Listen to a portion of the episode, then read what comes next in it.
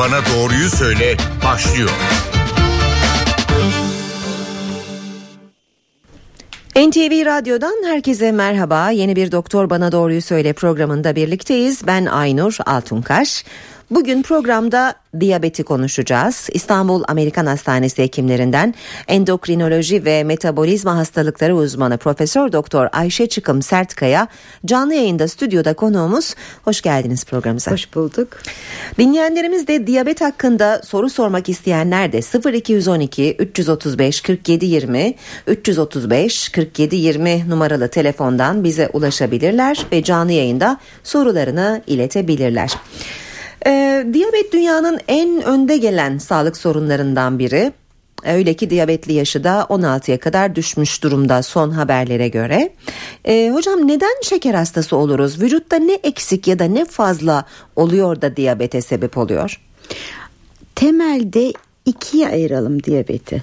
Birinci grup diyabete karşı çalışan insülinin hiç olmadığı grup. Bunlar tip 1 denen diyabetli grubu.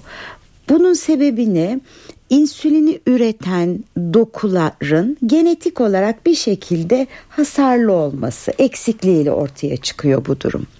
İkinci grup ise insülinin olduğu ama işini yerin yeterince yapamadığı grup.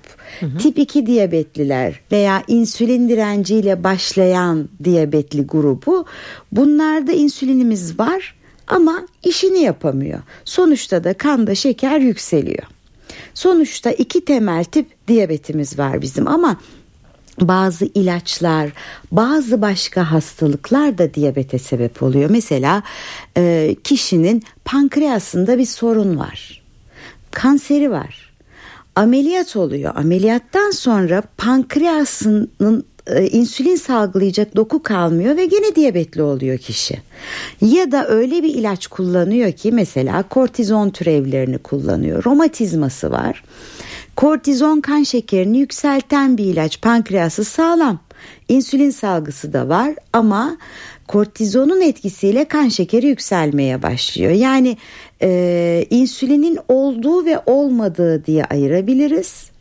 Ayrıca bir de dış sebeplere bağlı sekonder diyabetler diye ayırabiliriz diyabetleri. Peki o zaman e, topluma şöyle bir genel olarak baktığımızda e, ne kadar sayıda diyabetli olabilir?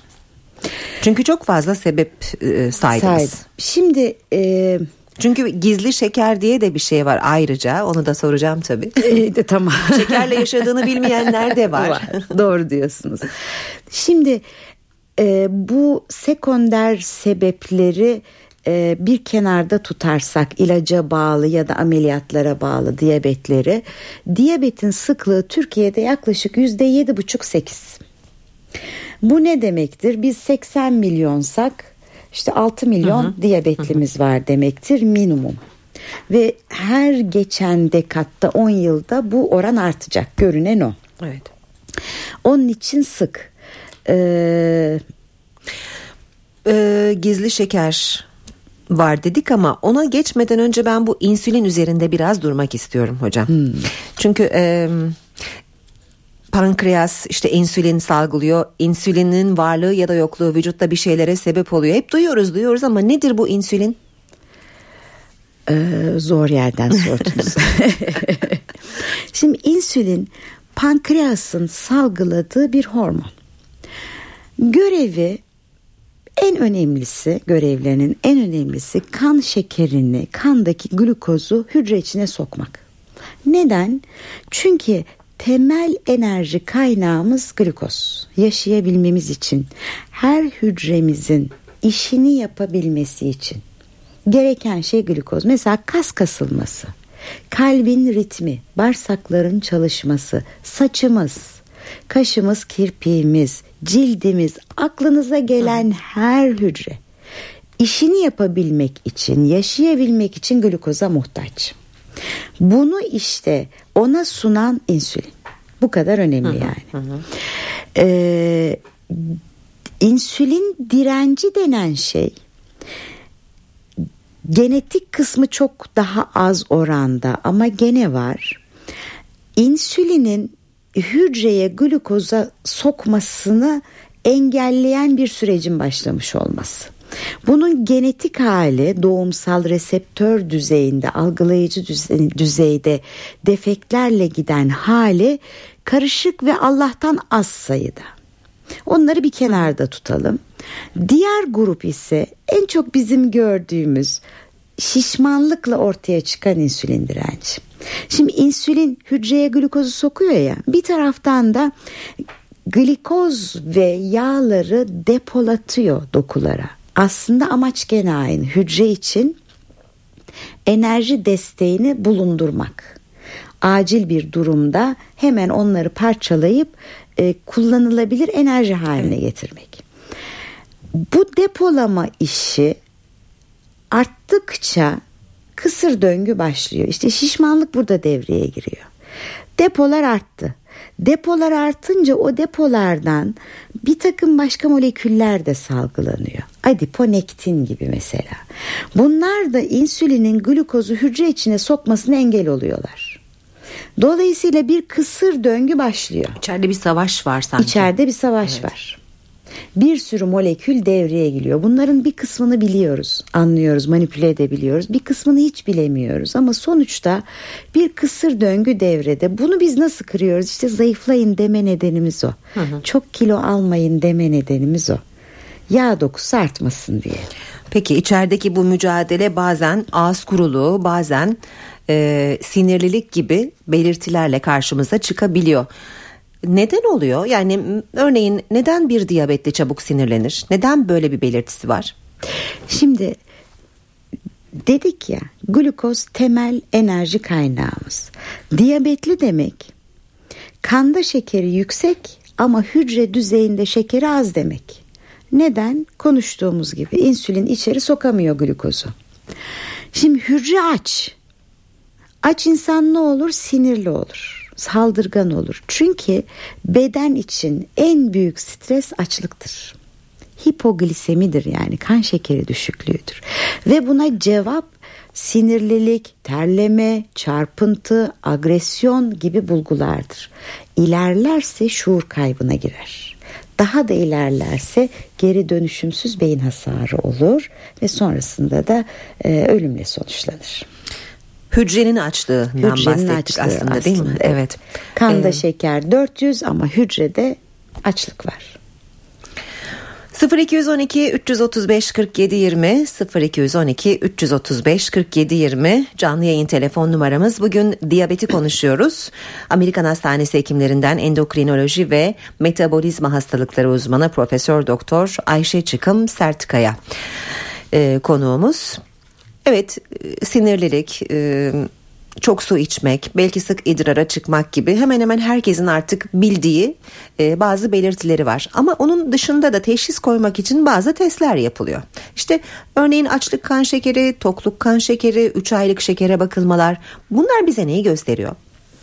Şimdi açlık ve tokluk kan şekerleri anlık e, sonuçlardır. Yani şu anda benim şekerine, şekerime baktığınızda kan şekerimin düzeyini bana gösterir. Ama bundan bir ay önce nasıldım, iki ay önce nasıldım bunu söylemez. E, tanı koyarken bir kere en az 2-3 değer elimizde olmalı. Tek şekere baktım 200 gördüm sen diyabetsin diyemem veya yoğun bir stres altındaysa birey diyelim ki ameliyat oldu çıktı ameliyattan kan şekeri yüksek buna diyabetlisin diyemem. En az 2-3 ölçüm olması lazım. 2-3 açlık, 2-3 tokluk ölçümü olmalı ki evet bu hep böyleymiş diyebileyim. Geçmişi değerlendirmek için de hemoglobin A1C ya da fruktoz amin gibi bir takım molekülleri kullanırım. Bunlar bedende kanda şeker yükselince o şekerin bağlandığı moleküllerdir.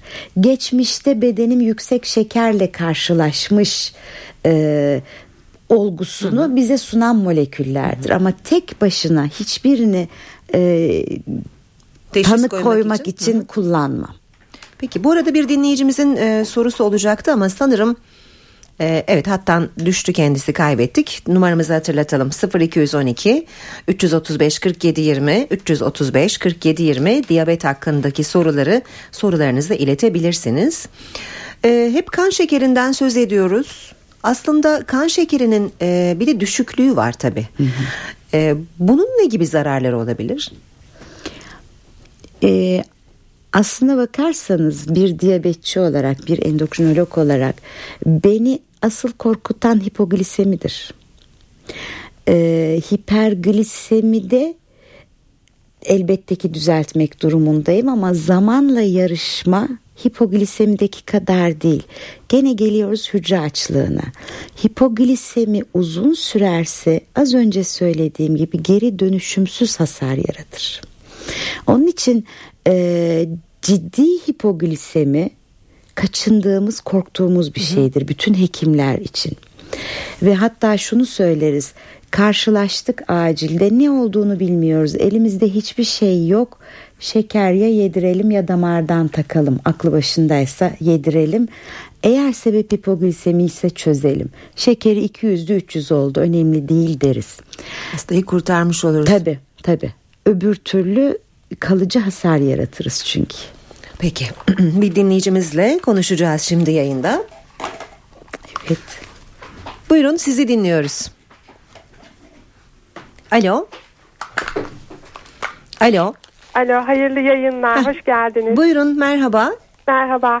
Ben tip 2 e, diyabet için bilgi almak istiyorum. Tatlısından tuzlusuna yiyeceğimiz, içeceğimiz öyle bir liste verin ki biz o listenin dışına çıkmayalım.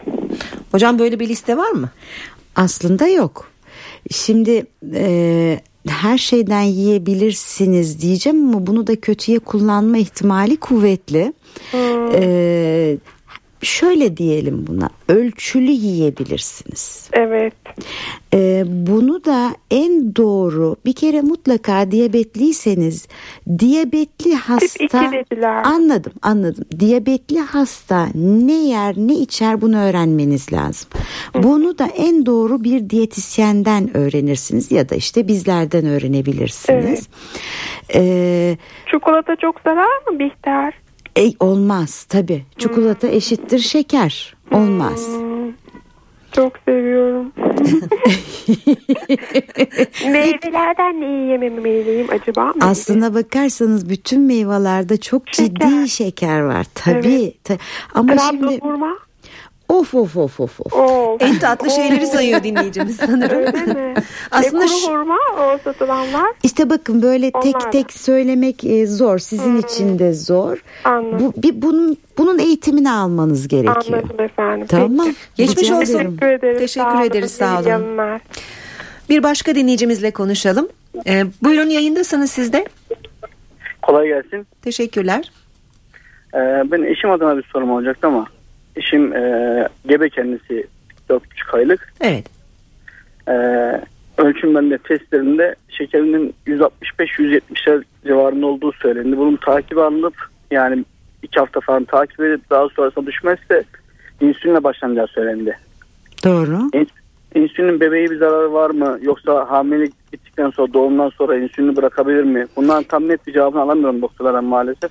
Tamam. Hocamız ona bir yardımcı olursa. Şimdi bakın eğer hele de açlık şekeri 160'lardaysa hemen onu engellemek lazım. Çünkü bebekte e, ciddi hasara yol açar e, veya bebeği kaybetmenize sebep olur annenin yüksek kan şekerli olması. İnsülin bebeğe hiçbir zarar vermez çünkü insülin bebeğin eşini yani plasentayı geçmez annenin kan şekerini düşürür. Bebeğe geçen annenin yüksek kan şekeri.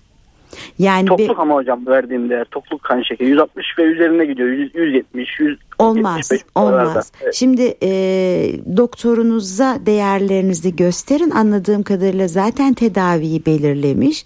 Böyle durumlarda biz bir hafta bir diyete şans tanırız. Evet diyet, diyet kullanıyoruz şu an diyet Heh. yapıyoruz. Onu çok sıkı yapacak. Eğer buna cevap vermezse insülin derse doktorunuz onu da yapın ki bebeğiniz sağlıklı olsun. Kaybetmeyin bebeğinizi.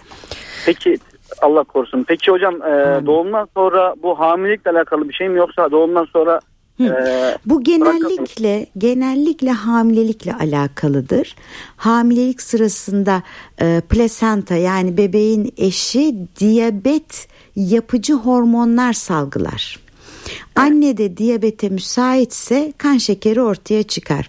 Bebeğin eşi gidince yani doğum oldu plasenta çıktı bu tablo ortadan kaybolur. Ancak Gebelikte böyle bir gestasyonel diyabet, gebelik diyabeti geçirdiyse birey normal bir insana göre diyabetik olma ihtimali daha fazladır demektir.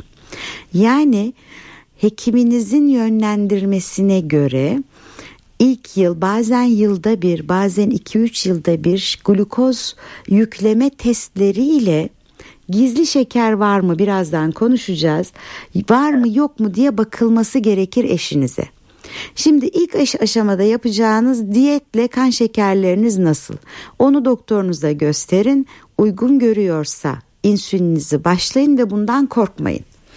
Geçmiş olsun teşekkür ederiz yayına ben katkı için. Kolay gelsin iyi yayınlar. Sağ olun.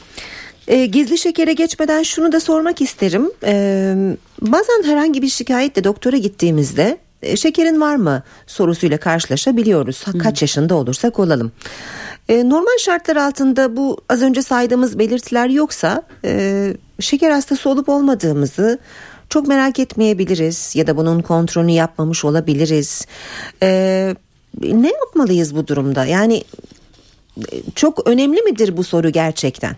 Şimdi şöyle her e, hemen hemen her testte hastaneye gittiğinizde semptomunuz yoksa bile şekerinize bakılır.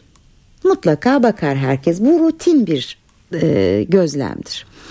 Eğer yükseklik varsa zaten sizin dikkatiniz çekilir.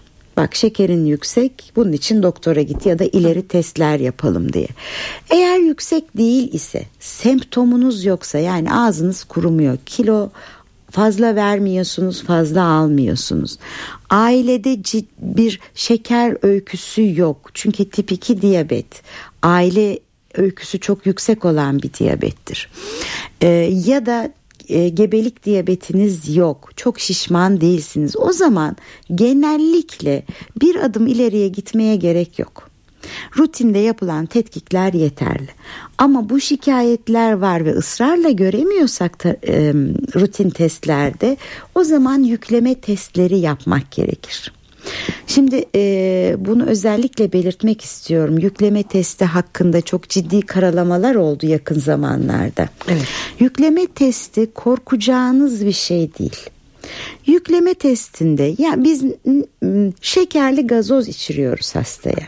Sırf şeker olan içinde basit bir gazoz teneke kutuda hı hı. bir 300 cc'lik bir şey.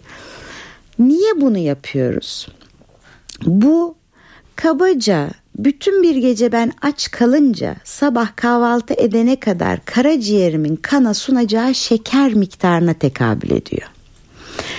Normal bir kahvaltı öncesi ve sonrası bakılabilir şekerlere ama kahvaltıda siz yağ yiyorsunuz, protein alıyorsunuz, lif alıyorsunuz. Dolayısıyla şekerin emilimiyle oynuyorsunuz.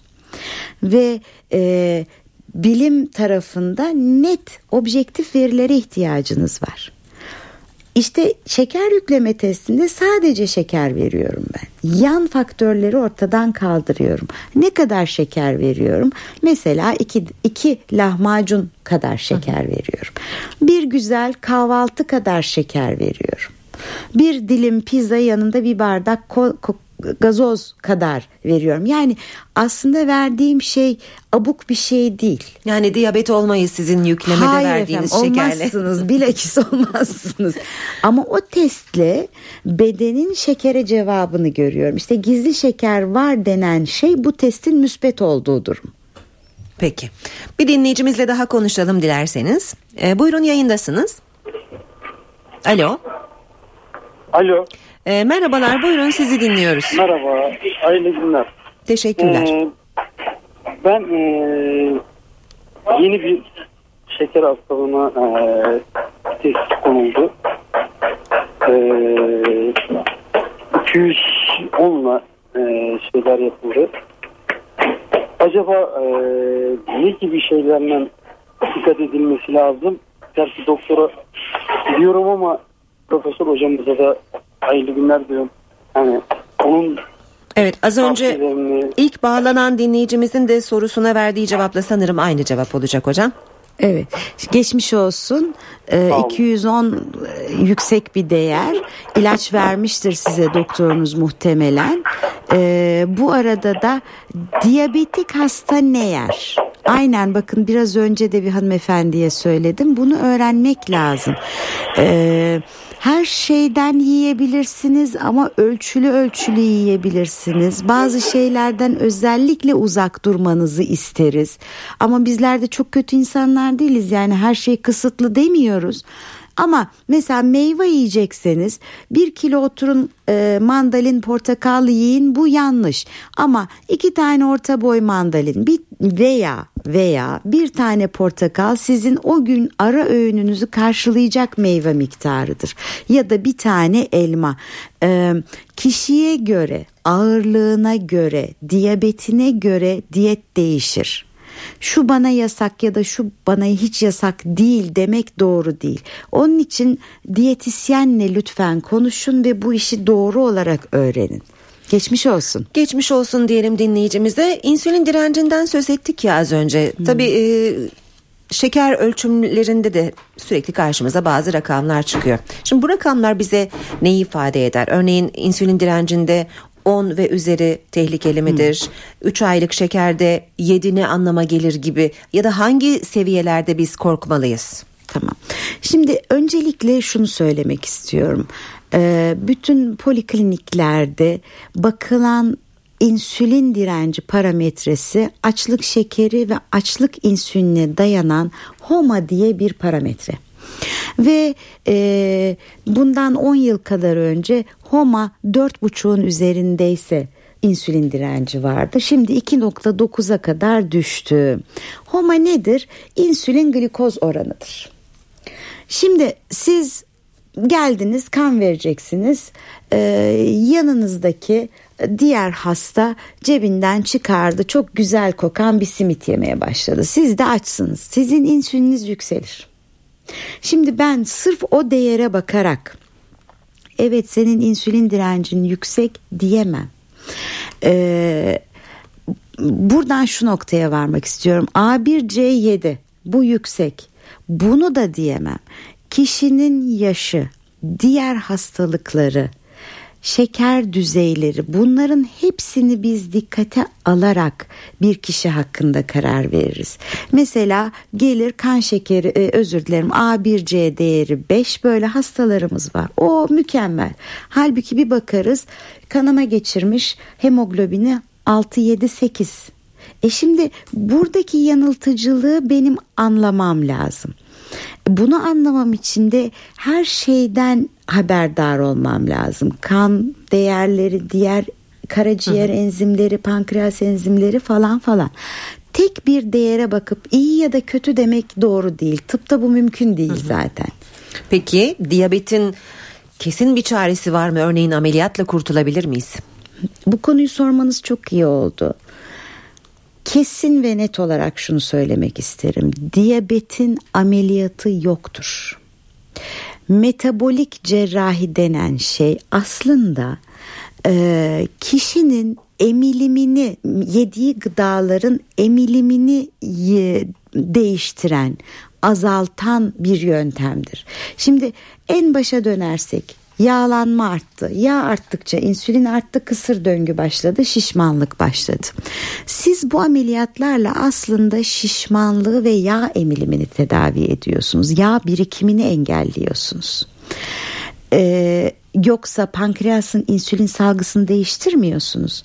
Ama az yedikçe yağ dokusu azaldıkça bu dokudan salgılanan ve insülin direncine sebep olan molekülleri azaltmış oluyorsunuz. Yani özetle ameliyatla siz diyabeti tedavi etmiyorsunuz. Diyabete sebep olan faktörleri temizlemeye çalışıyorsunuz. Şimdi eğer kişi e, tip 1 diyabetse e, otoimmün diyabetse, pankreas rezeks ameliyatına bağlı diyabetse, ilaca bağlı diyabetse bunlar da hiçbir anlamı yok ameliyatın zaten. Hastalarımız çok umutlanıyorlar bu konuda ama maalesef e, bu doğru bir şey değil. Ama çok şişman hastalarda Evet kullandığımız bir yöntem. Mutlak çözüm mü? Doğru değil bu da. Çünkü bu tip ameliyatlarda 3 yıl kadar sonra e, tekrar başa dönme ihtimali neredeyse %50'lere varıyor. Obezite ameliyatları mı? Aynen öyle. Hı hı. Aynen öyle.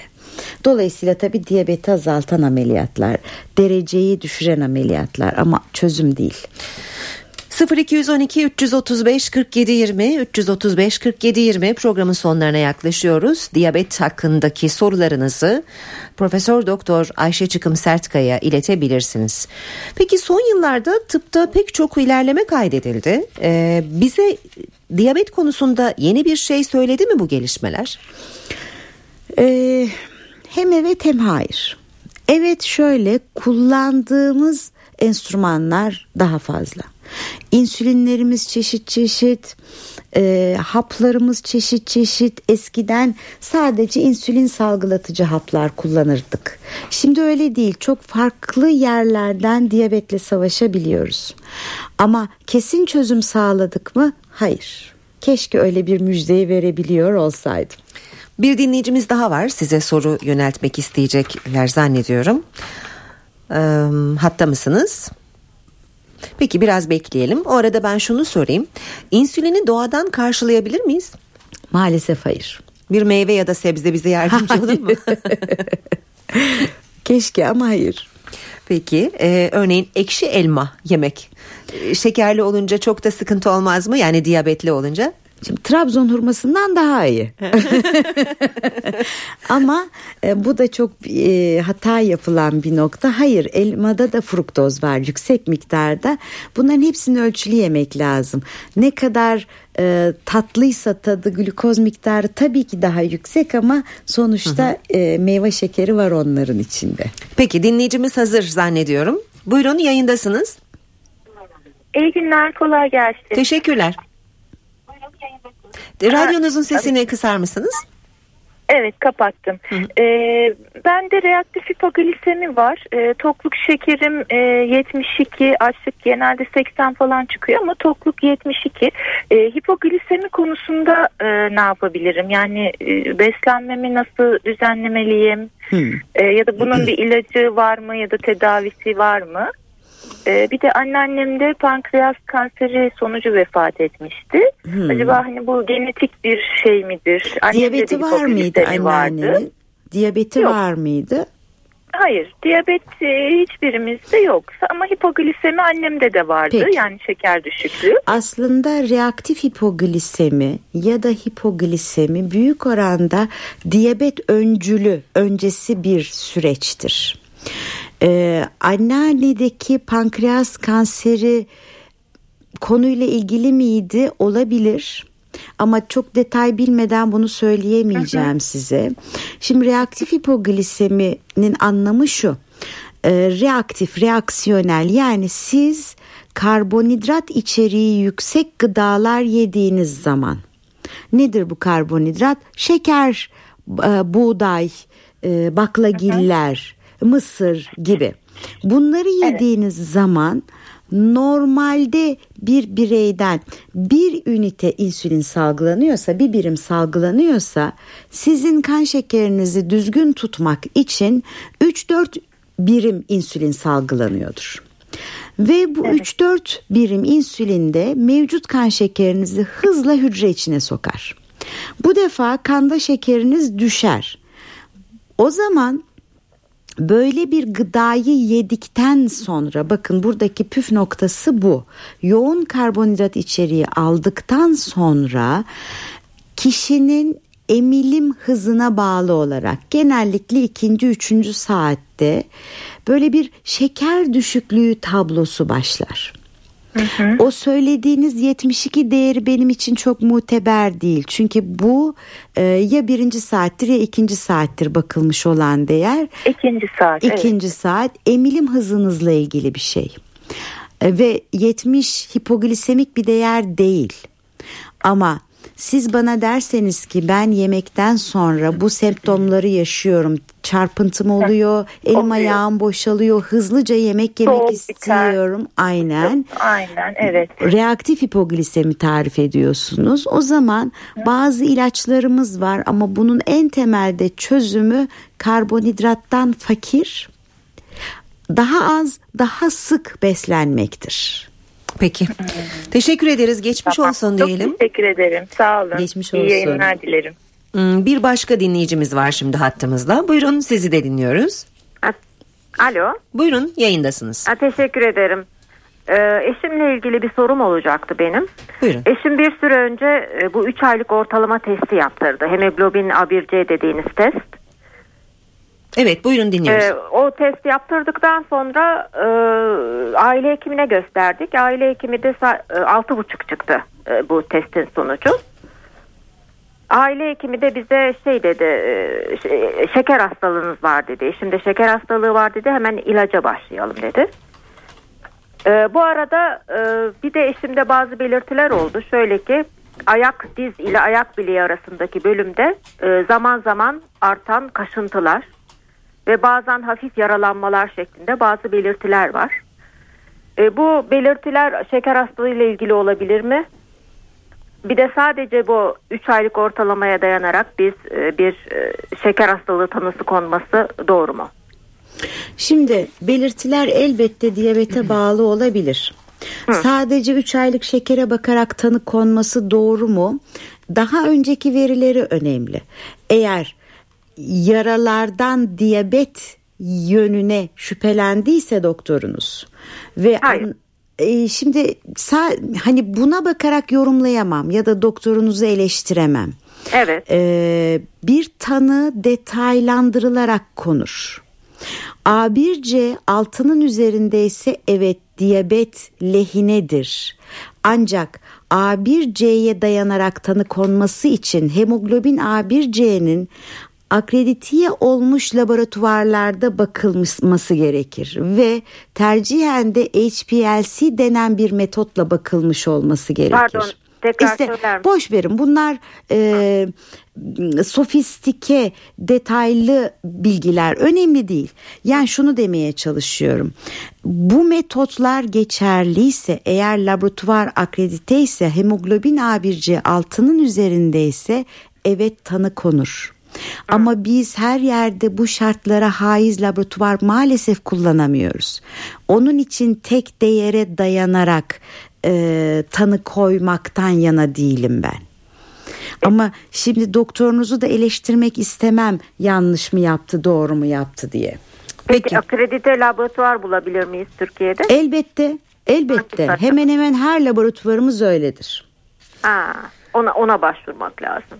Yani Sağlık Siz- Bakanlığı mı? Hayır efendim hayır siz gene hekiminize güvenin hekiminizle konuşun bu konuyu. Ee, kafanızda soru varsa ona sorun niçin tek değere dayanarak böyle bir tanı koydunuz diye o size açıklayacaktır zaten. Ee, tamam çok teşekkür ediyoruz. Ee, çok geçmiş olsun diyelim. Sağ olun. İyi. Ee, süremiz bitmek üzere iki dinleyicimiz de hatta bekliyorlar. Çok kısa sorulacaksa eğer sorular hemen alabiliriz. Ee, yayındasınız buyurun. İyi günler. Buyurun. Teşekkürler. Edirne'den arıyorum. Ben ismim olacak. Ee, ben tip 1 ve tip 2 mi e, şeker grubuna hangi da, grupta olmak e, olduğumu nasıl öğrenebilirim acaba? Bunun için antikorlara bakılır. Ee, %75-80'in üzerinde tip 1 olgularında bir takım antikorlar pozitiftir. Ancak şunu da biz akılda tutarız ki e, %10 kadar grupta antikor negatif görülebilir. Onun için e, adını koymak çok da önemli değil. İnsülin bağımlı mısınız? İnsüline ihtiyacınız var mı yok mu? Temel soru bu olmalı. İnsüline ihtiyacınız varsa kullanmanız gerekiyor demektir. Peki. İnsüline ihtiyacım olduğunu söylemediler. İnsülin kullanmıyorum. Ee, fakat bununla ilgili az önce bir açıklamanız vardı. Sizi takip ediyorum ben. Ee, Buyurun. tip 2 ameliyatı diye bir e, ameliyat var şu anda ve bayağı da e, e, yoğun ve popüler bir ameliyat.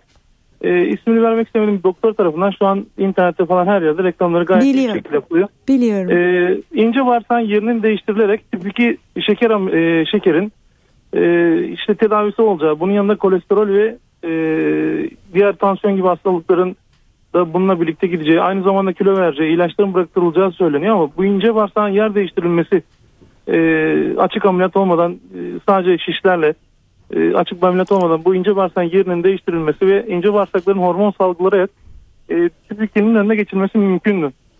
Demin söylediğim gibi az önce anlattım bunu. Tip 2'nin kendisi değil sebepleri rahatlatmış oluyorsunuz o zaman. Yani cevap hayır.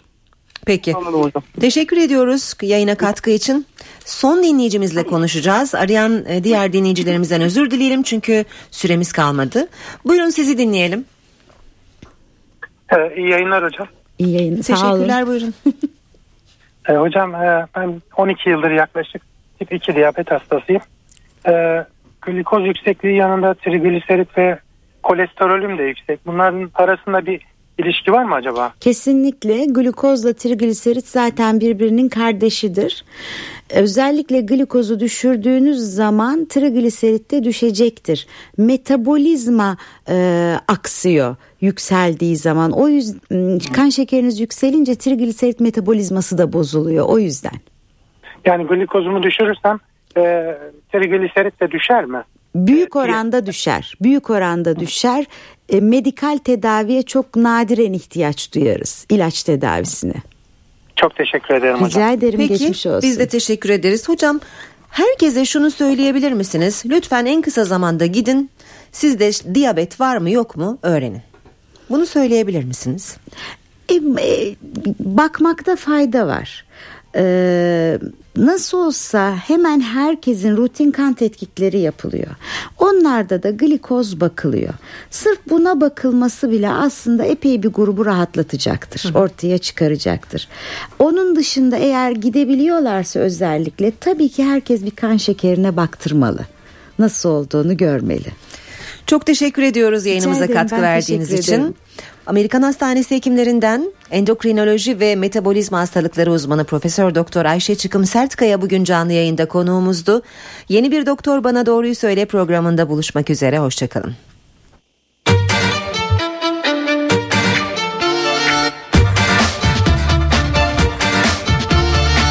Doktor bana doğruyu söyle.